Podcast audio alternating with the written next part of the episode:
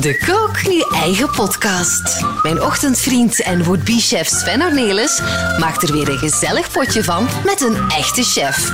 Vandaag... Ja, eh, vandaag iemand die er eh, ook op een manier wel een potje gaat van maken. Want hij weet altijd een hele smakelijke mix te maken tussen allerlei eh, talen. Het is echt een wereldburger, maar is neergestreken in Gent een tijdje geleden. En je kent hem van mijn keuken, mijn restaurant.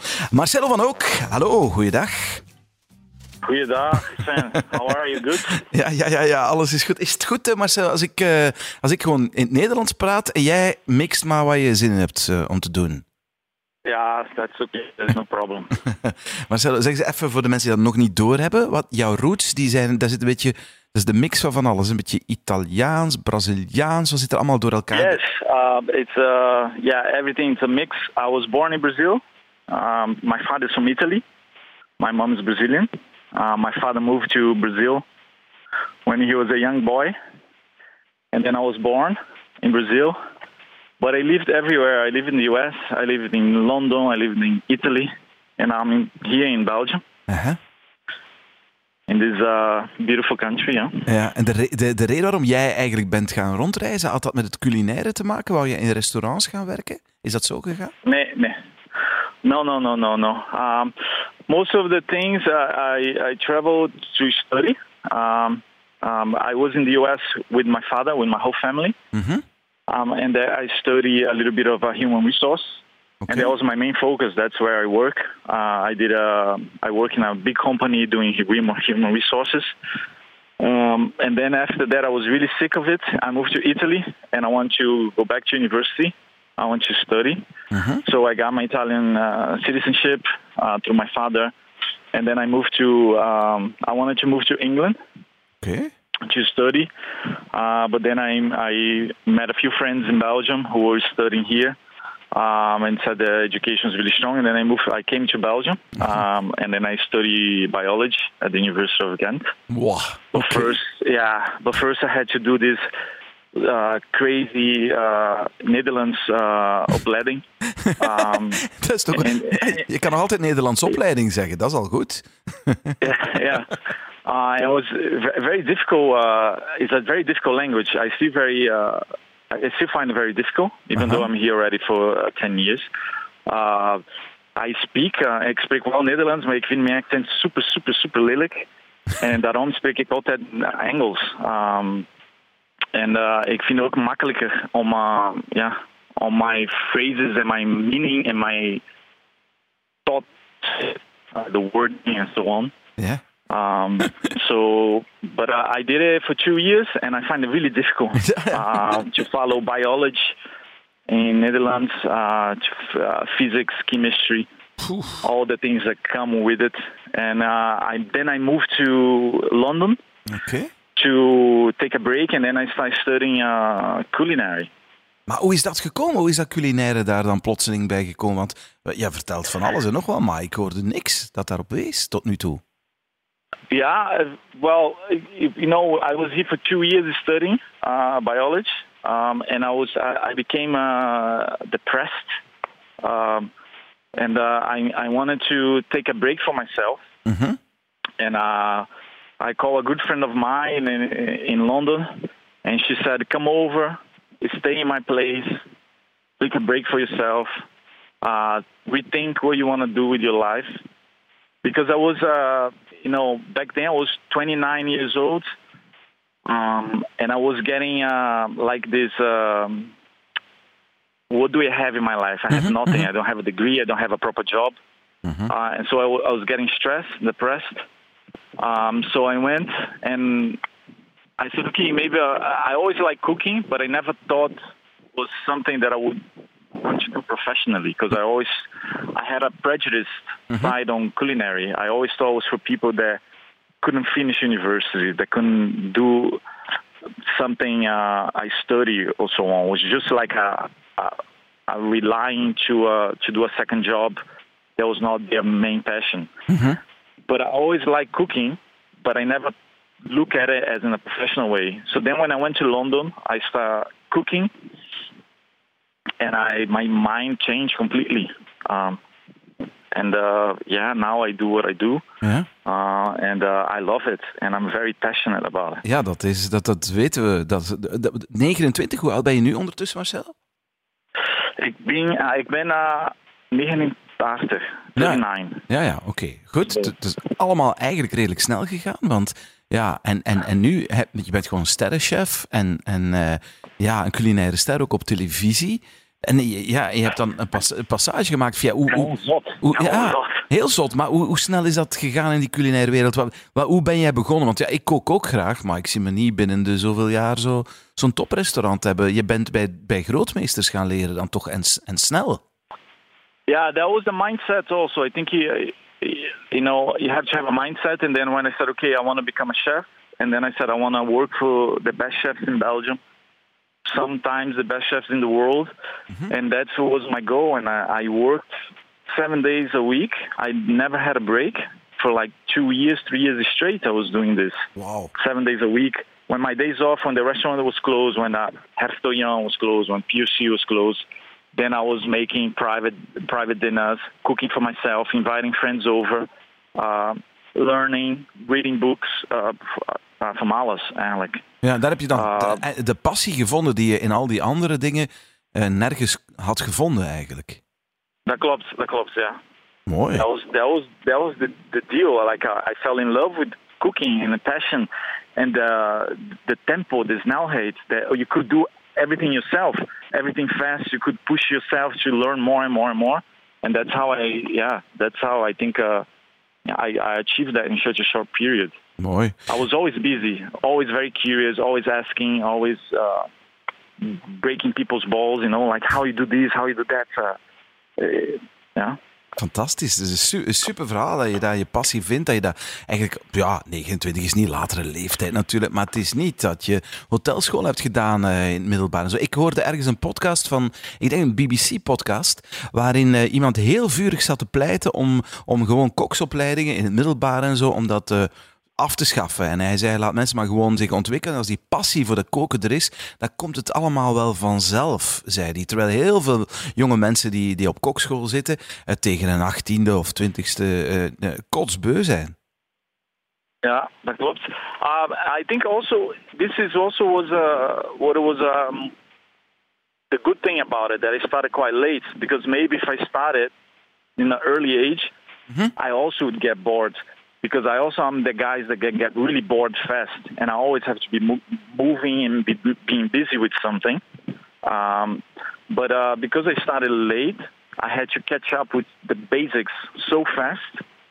Um, that I think that's what I loved about cooking. And what I love about cooking also is that you're never bored.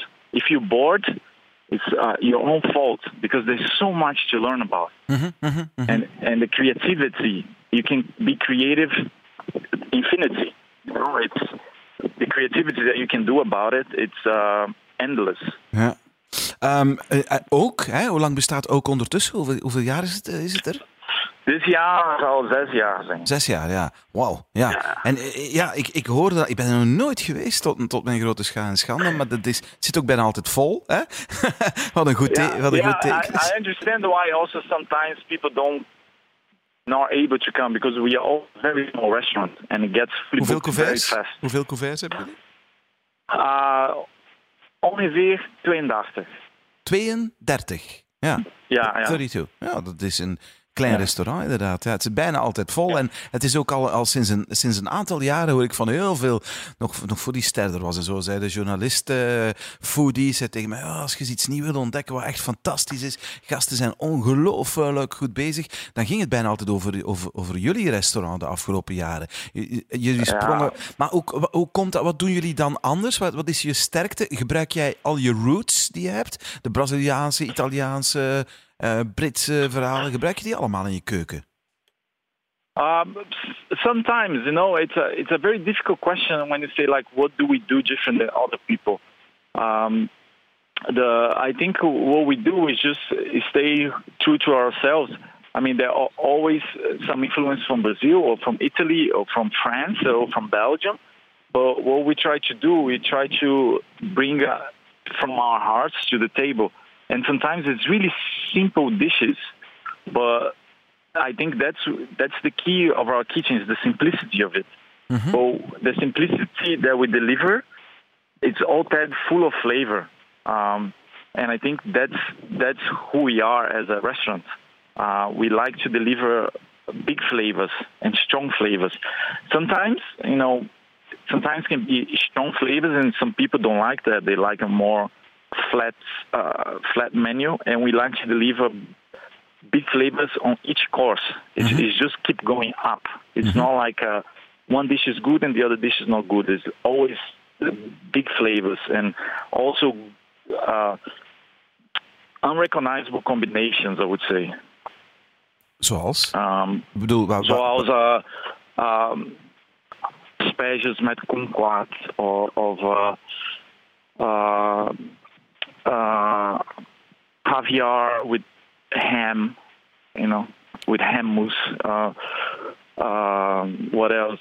Um, um, uh, desserts with celery, green tea. Uh, ja. um, Yeah. it, it's it very very special flavor combinations, but that go well together. That pass well someone. No? Ja, zo, de- de- Eh, vind- moet, moet het bij jou altijd herkenbaar zijn wat je eet? Want in de, in de moleculaire keuken was dat plotseling net het omgekeerde. Wat je at, of wat je zag, was vooral niet wat je proefde en wat je at. Yeah, Eh, terwijl and, uh, for me, uh, f- I understand completely where you come from, and for me, that's the most important thing: is that the food has to be recognizable for my guests. Oké.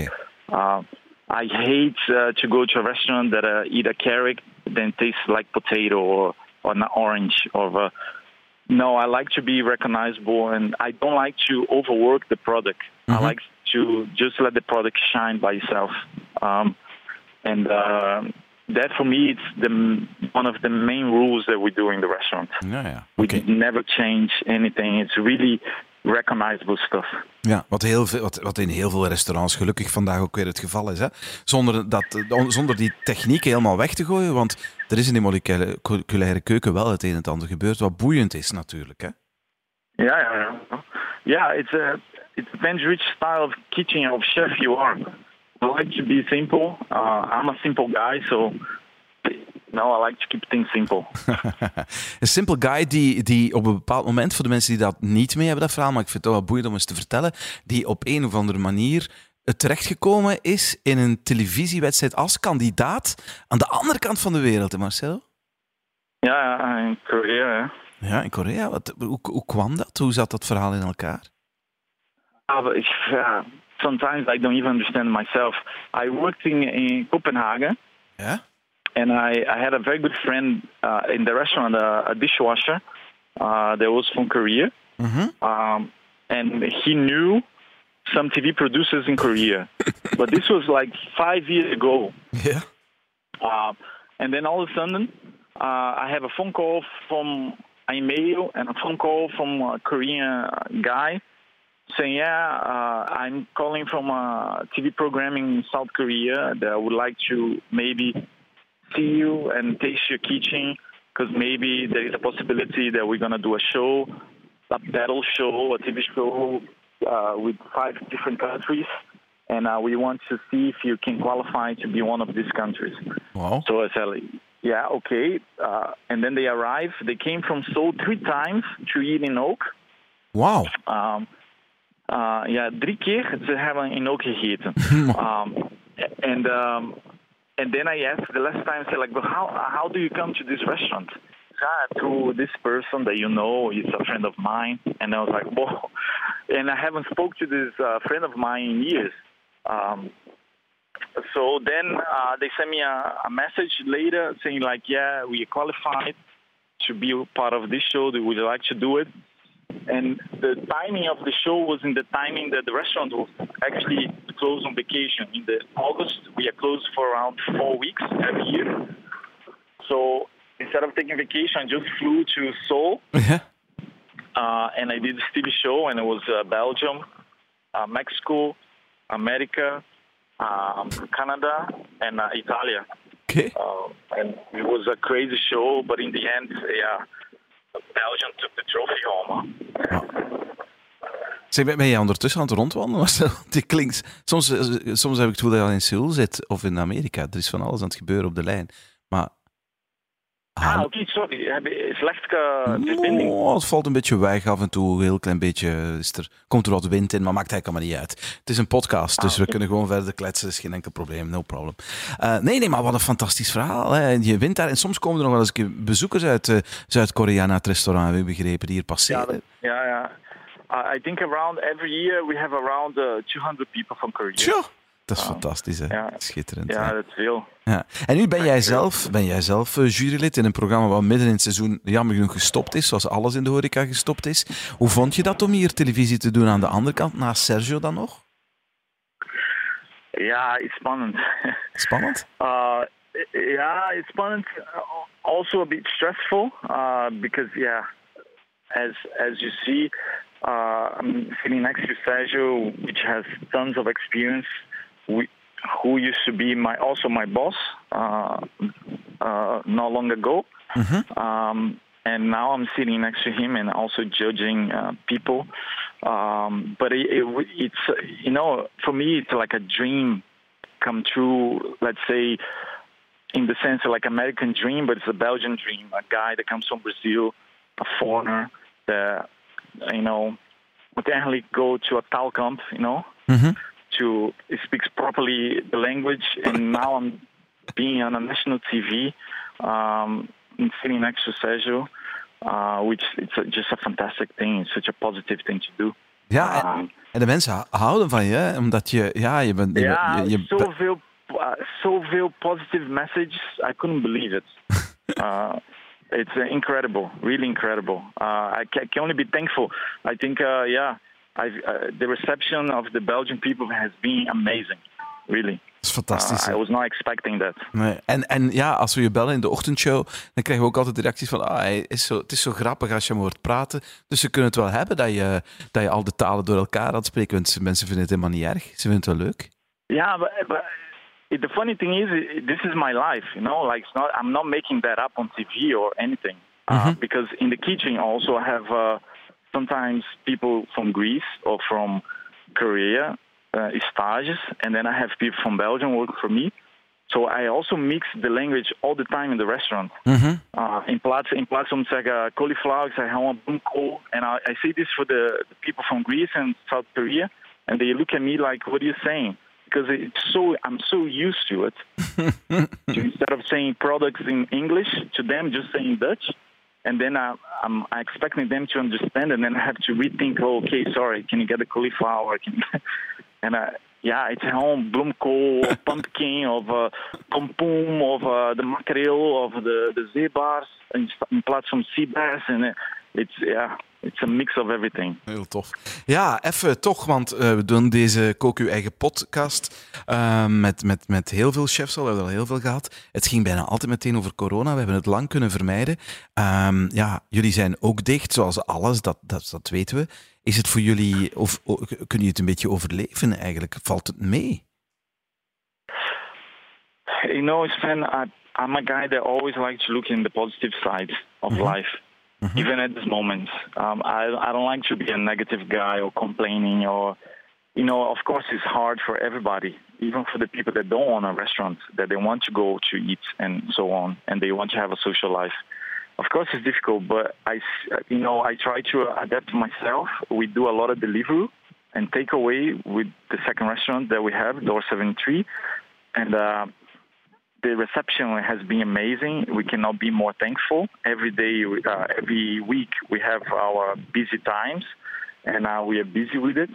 And you know, there's nothing I can do to change the situation. So I like to just adapt myself to the situation. Um, and so far, I, cannot complain. Uh, I'm quite happy with the job we are doing with delivery and takeaway. Uh, of course, it's not the food they fine dining that I do on takeaway. It's more recognizable food.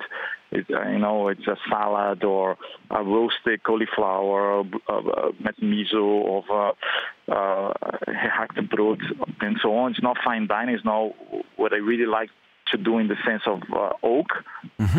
Uh, but uh, I'm happy doing it, what I do, and uh, the reception has been amazing. And I, I always see possibilities on on times like this also. On, on you know, there is a lot of possibilities around us. Welk, zo- welk, soort eh, mogelijkheden zie je, eh, zie je, of welke possibilities spreek je dan? Uh, but, you know, I can just say, okay, maybe after the situation, I can also do a a, a takeaway shop somewhere. You know, like a, that I can only serve people that don't want to go out to eat. Um, because there is, the, I see that there is uh, possibilities around Yeah. it, and we we can deliver also very good food with delivery. So. Uh, I, I can complain. I see a lot of ideas that pop up into my head. Uh, and yeah, Dus, um, dus I know I know there there are a lot of people suffering about it, um, but I like to see always in a positive way. Dat is fantastisch. Super. Ik vind, vind het goed als je, als je het zo kan aanpakken. De ene chef kan het ook al makkelijker dan de ander. Het heeft ook meestal te maken met welke afbetalingen hebben ze, hoe zit de hele economische structuur in elkaar. En, Yeah, that, that's the, yeah. I this I don't do anything about. I have uh, someone that does all the numbers for me because me and numbers we are not good friends. um, and uh, it's really true. I just do the creative part, the cooking, uh, the the ideas behind it. But for me and numbers, uh, you know, I, I've been shut down so many times with ideas because it will cost too much money. But I keep I keep saying it. You know, maybe one day I have a better idea and so on and so on. But I always like to look at the positive side. I think that we have so many negative things on the news now, and to keep uh, bringing that over, I find it crazy. Hmm.